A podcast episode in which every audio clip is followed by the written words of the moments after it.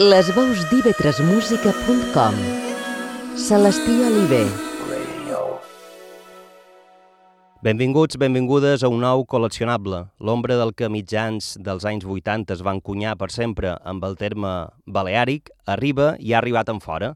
A partir dels anys 84 i 85, en què l'eclecticisme de les sessions de cert jockeys a Eivissa començant per discoteques com Amnèsia, va fer canviar tant la mentalitat com el paradigma de la festa en unes sessions caracteritzades per la manca de perjudicis i la seva heterodòxia, perquè recordem combinaven músiques i estils molt diversos, des del folk, pop-rock, europeu, americà, propis d'aquell moviment hippie d'aleshores, o que encara coatjava, a la música llatina, amb figures de guitarres espanyoles o flamenques, l'exotisme africà o asiàtic, el funk soul llatí i l'experimentació, de tot això avui en parlarem i eh, escoltarem cançons a col·leccionable. És a dir, avui eh, aquest col·leccionable anirà de fins on ha arribat l'ombra del terme que es va encunyar a mitjans dels anys 80 i que es diu Baleàric.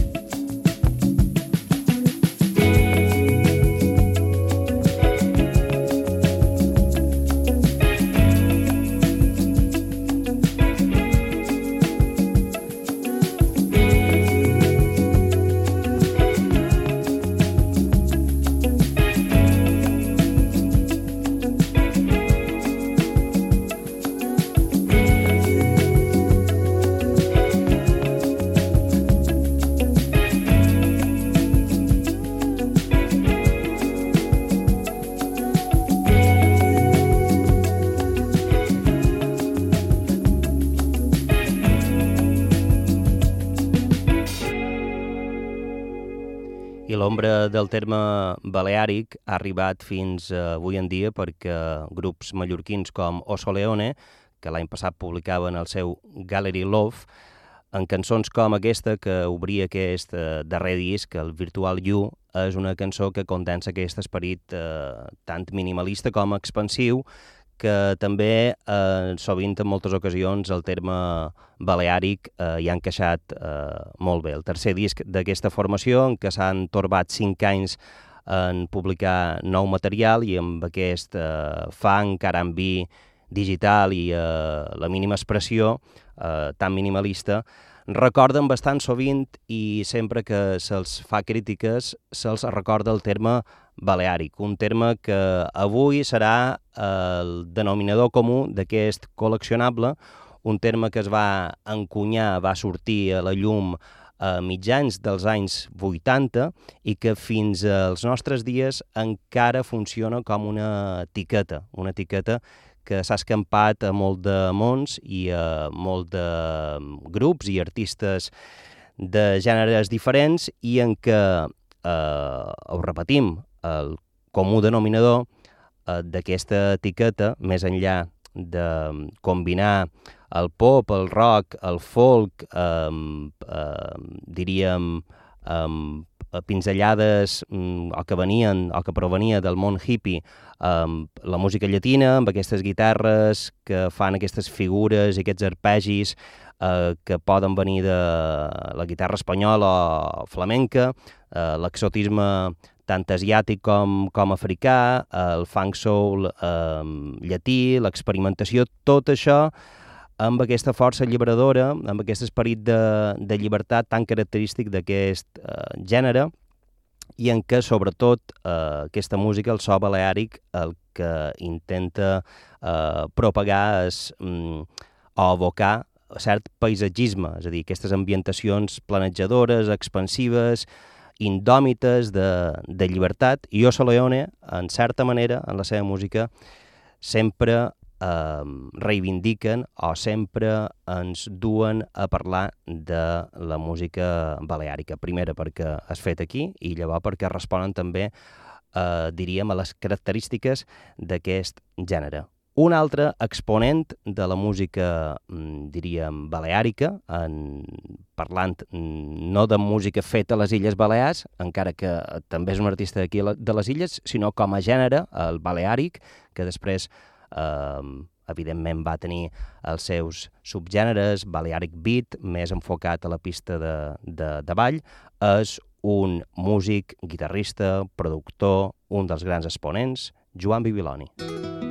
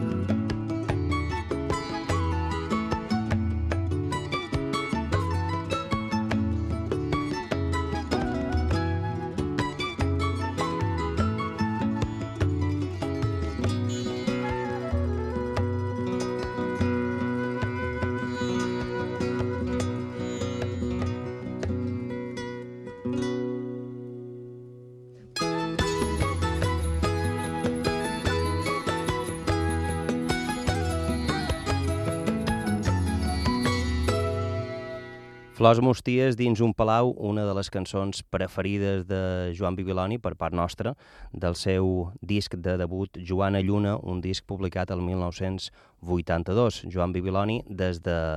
Manacor, des de Balears, ha estat un dels clars exponents del so baleàric que s'ha expandit i s'ha estès per tot el món. Recordem que a mitjans dels anys 80, el 84-85,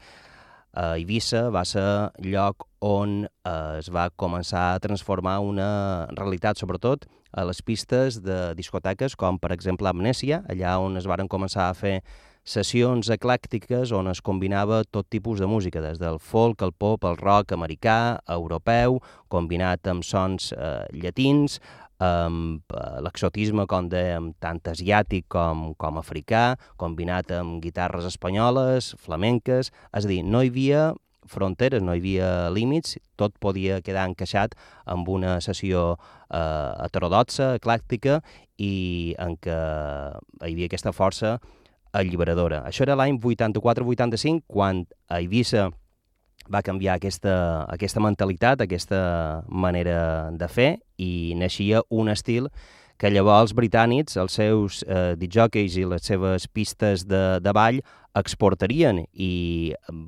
pràcticament serien més els britànics que encunyarien aquest estil, el baleàric, que no els propis eh, eivissencs o la gent d'aquí de, de les Illes Balears. Evidentment, això passava en plena eclosió d'un altre gènere, de l'acid house, i eh, a partir d'aquí les discoteques varen començar a derivar cap al Balearic Beats. Per exemple, ara ens situarem a l'any 1967, en plena efervescència del Summer of Love, aquell estiu de l'amor a San Francisco, on hi va haver una concentració de la contracultura hippie. Eh, L'epicentre va ser els carrers Hyde i Ashbury, prop del parc Golden Gate. A més dels Beatles, que en aquell moment mostraven la seva cara potser més eh, psicodèlica, el Summer of Love va estar marcat per eh,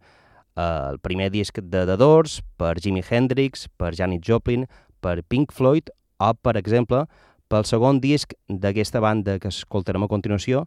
el disc és de l'any 67, aquest va ser un disc que va marcar un punt d'inflexió, és el surrealístic Pillow de Jefferson Airplane.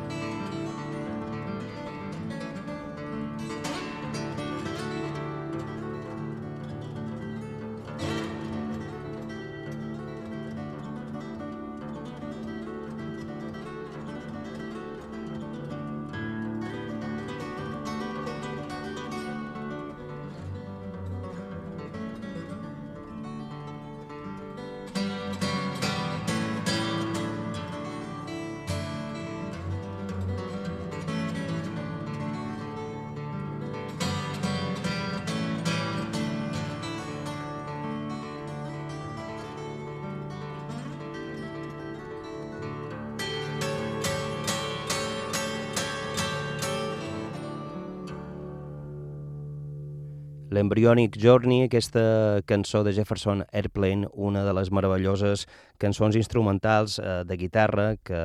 trobam en aquell surrealístic Pillow, aquell disc essencial per entendre el que va ser la concentració de l'estiu de l'amor, del Summer of Love, un epicentre que hem de recordar que va passar al barri de d'Ashbury, a San Francisco, i que després tindria altres rèpliques a altres eh, llocs. El Festival de Monterrey, que segurament és el festival més, el primer festival més multitudinari que, que hi va haver, i posteriorment, anys després, vendria el Festival Woodstock. Uh, precisament Jefferson Airplane, que formen part d'aquesta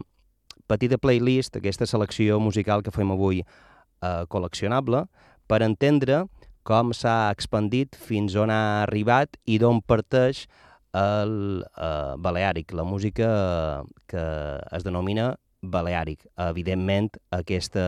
aquest gènere, com a tal, l'any 67 no es havia creat, però és que ve precisament d'aquí, de combinar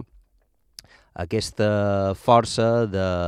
la música folk, del pop, del rock europeu i americà, sobretot del folk que ve del moviment hippie, combinat amb la música de um, guitarres espanyoles i flamenc, eh, els sons més llatins, i avui intentam traçar eh, bé d'allà on venim i cap allà eh, on anem. Oso Leone, que han obert, que ens han servit per començar aquest col·leccionable, que és un dels exemples d'aquí, que aquí encara se'ls diu que eh, també encaixen bé dins aquest eh, gènere. Mm, després hem escoltat Joan Bibiloni i ara Jefferson Airplane. Qui venen a continuació és una banda que segurament més d'un es posaria la mà al cap si dèiem que eh, han encaixat dins el gènere que després, posteriorment, es va anomenar eh, Balearic. I si dèiem Black Sabbath, algun encara eh, ens faria fo fora d'aquest estudi. Però Black Sabbath, en el seu segon disc, eh, Paranoid, un disc publicat l'any 1970, tenen una cançó en què mm, Ozzy Osbourne fins i tot canta amb efectes aguts de, de vibrato, i en aquest segon disc hi ha una cançó que es diu Planet Caravan, que hi encaixaria beníssim i hi segueix encaixant si voleu fer i voleu quedar bé amb, un, amb una bona sessió de,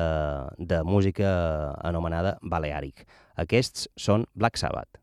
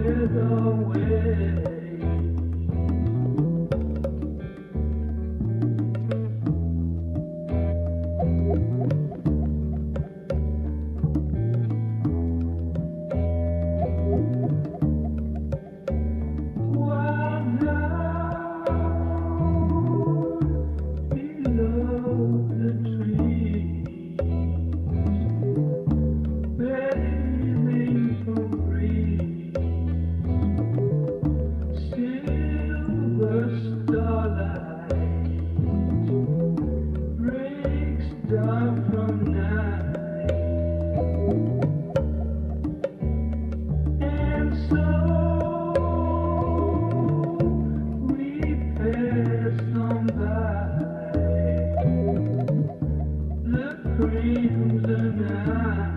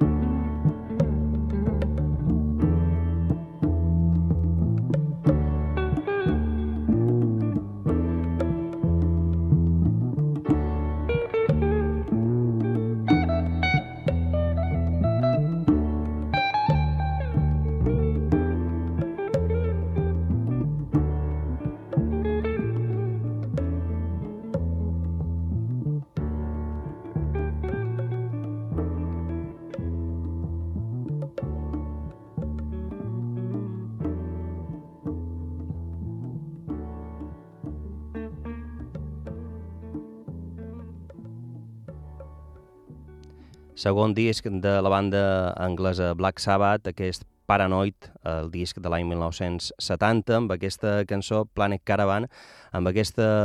veu amb vibrato d'Ozzy Osbourne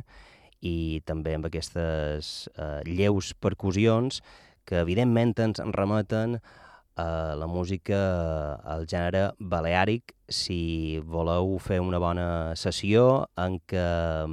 eh, totes les cançons que hi tingueu eh, puguin encaixar bé en aquest gènere. Com veus, eh, l'ombra d'aquest estil és allargada, arriba fins als nostres dies i començava enrere, perquè senzillament el que fa és el terme baleàric eh,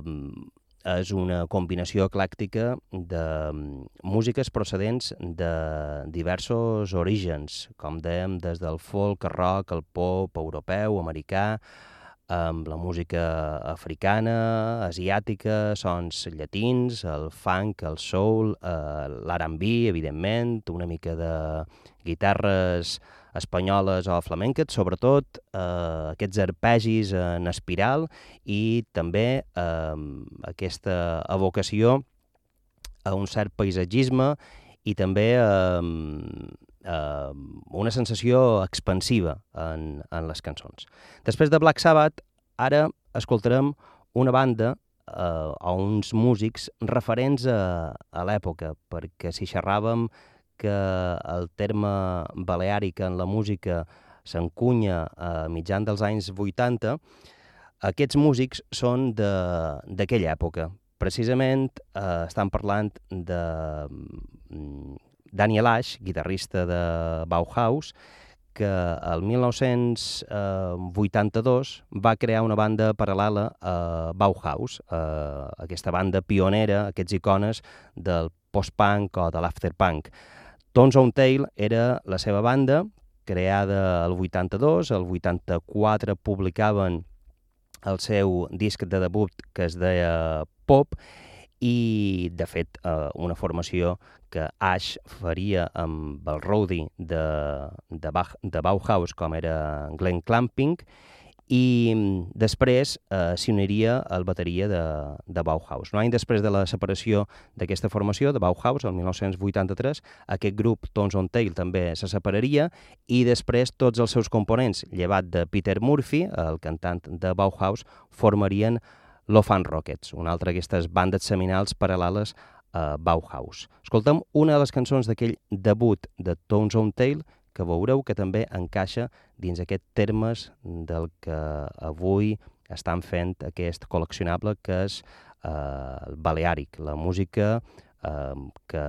santes com a Balearic Music. Aquesta cançó es diu Lions.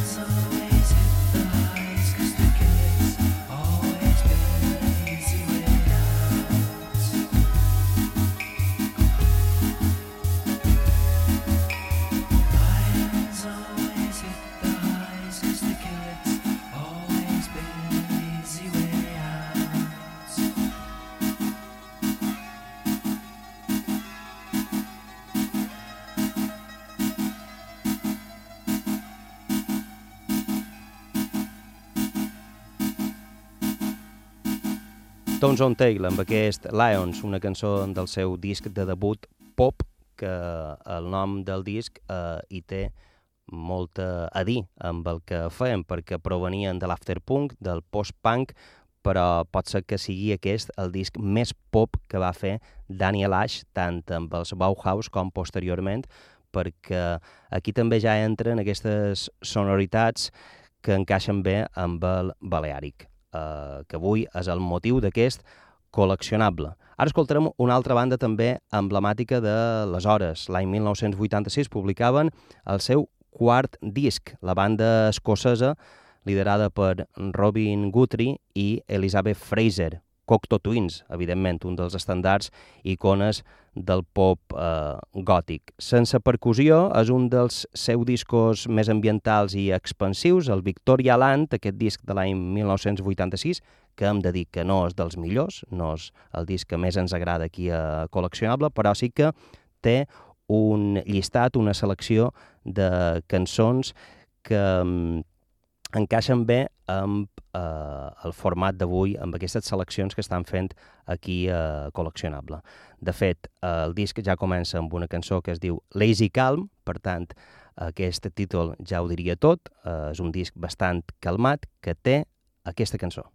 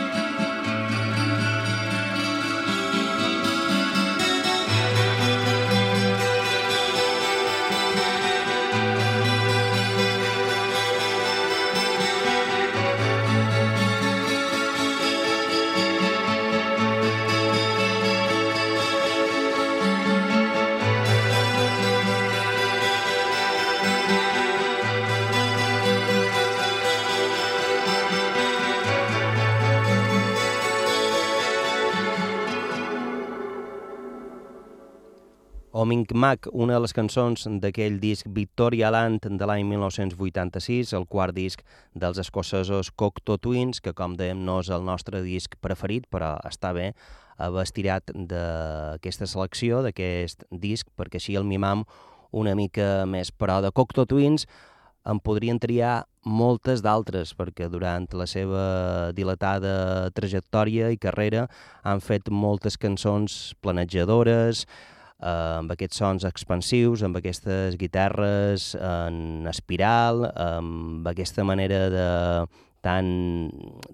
que té, que connecta tant amb el Baleàric, que hi diria en aquesta sessió que estan fent avui. Uns altres que també eh, tenim ganes de, de posar són Dismortal Coil. És una banda que precisament va comptar amb la veu d'Elizabeth Fraser, la cantant de Cocteau Twins. És uh, Dismortal Coil, el projecte que va fer Ivo Watts Russell, fundador d'un segell emblemàtic, el segell britànic 4AD, el segell de grups com uh, Pixies, uh, Cocteau Twins, The Can Dance, Throwing Muses, i la llista és llarguíssima, i ell va crear un projecte, un projecte que el que uh, pretenia era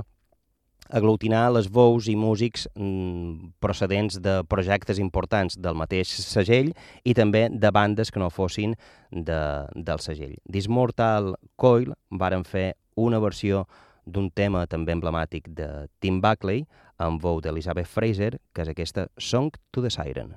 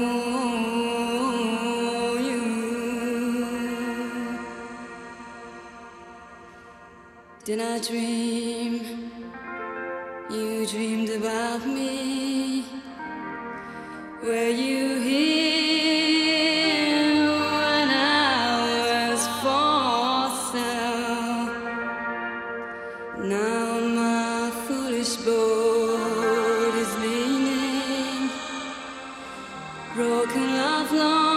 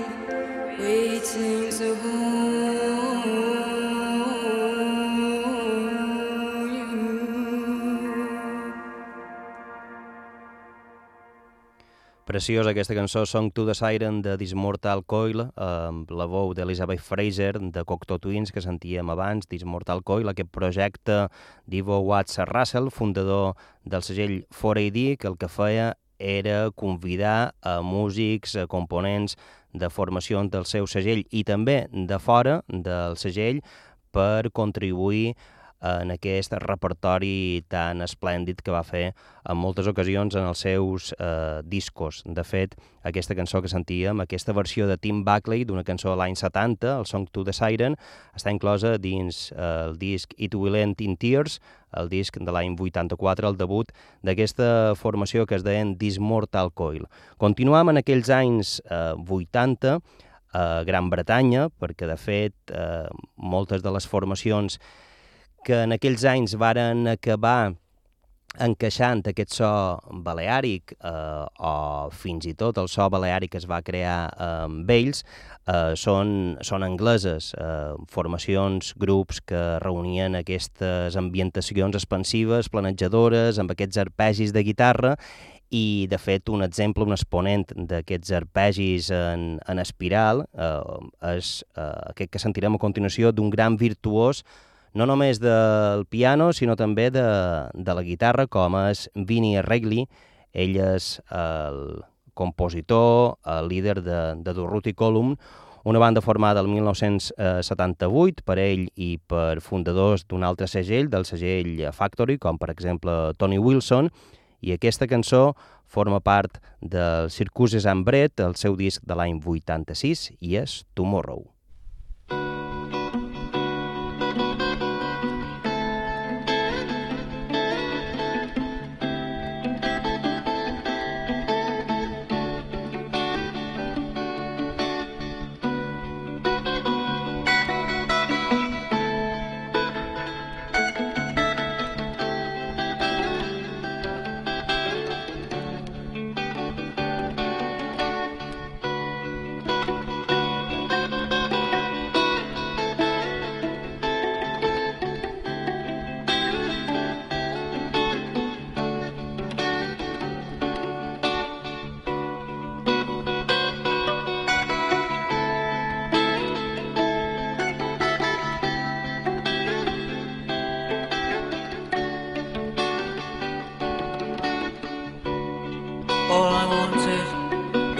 Time.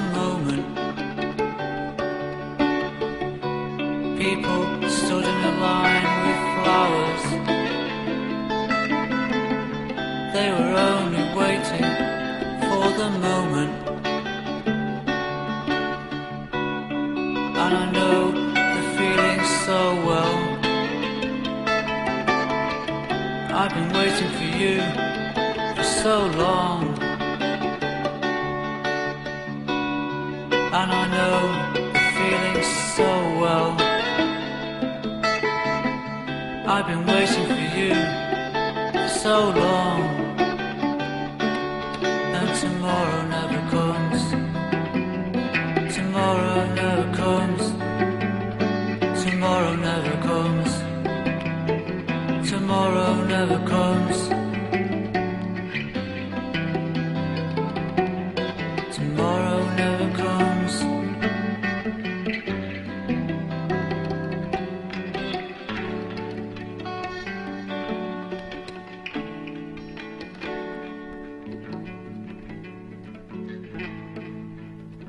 Tomorrow, una de les cançons de Durruti Column, també n'hauríem pogut eh, posar moltes d'altres en aquesta selecció que fem, però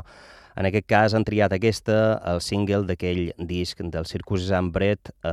el disc seu de l'any 1986, d'un músic, Lee Reilly, que és un anfitrió en fer aquestes eh, guitarres infinites, expansives, i crear aquestes ambientacions, com dèiem, que sobrevolen. I de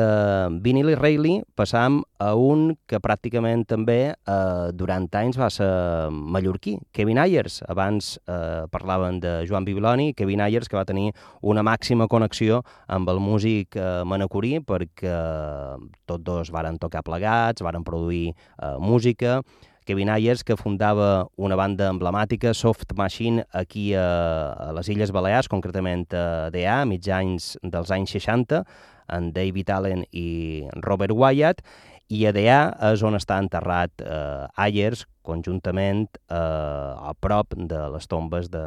de Robert Graves, de l'escriptor, i també del guitarrista Oli Halsall i del pintor Matty Clairwayne. Escoltem una de les cançons de Kevin Ayers que connecta molt amb aquest món baleàric, Decadence.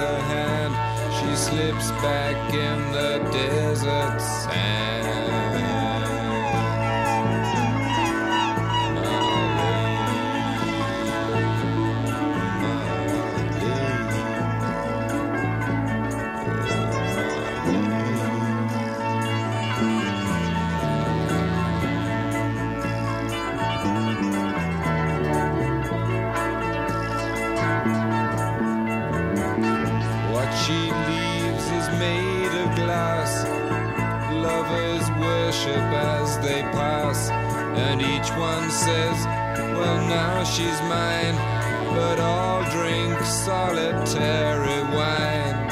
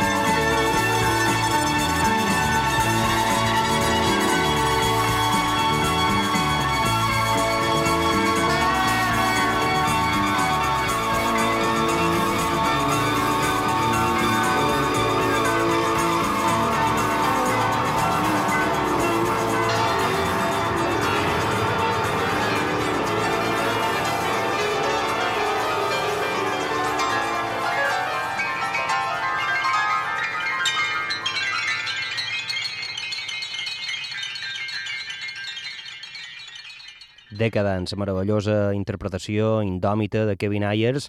en aquesta cançó dedicada a Nico en el seu quart disc d'estudi, el Banana Moor, que va publicar aquest músic l'any 1972, eh, publicat al 73, eh, enregistrat l'any 1972, d'aquest gran músic que va viure entre nosaltres aquí a, a les illes, Kevin Ayers, que també forma part i podria formar part amb altres cançons dins aquesta playlist, dins aquesta selecció que fem avui a col·leccionable dedicat al so baleàric, així com es va entendre eh, aquest so a partir dels anys 80, a mitjans dels anys 80 i fins avui en dia, tot i que, evidentment, Aquest so el que feia era aglutinar sonoritats, influències, referències que ja venien d'enrere de, i sobretot practicar l'eclecticisme, l'heterodòxia. Ara escoltarem un altre músic, en aquest cas un músic que també ve d'enrere i d'aquí també vendria aquest eclecticisme, aquesta heterodòxia del so baleàric. Uh, Faroa Sanders, músic de jazz uh, americà, estret col·laborador de John Coltrane, que de fet va ser qui el va impulsar. Uh, Coltrane va gravar, de fet, els darrers discos que um, Coltrane va fer uh, per al segell Impuls. Uh, Tembi, o Thembi, és el seu disc, el disc de Faroa Sanders de l'any 1971, és el seu setè àlbum que té aquest meravellós viatge Astral Traveling.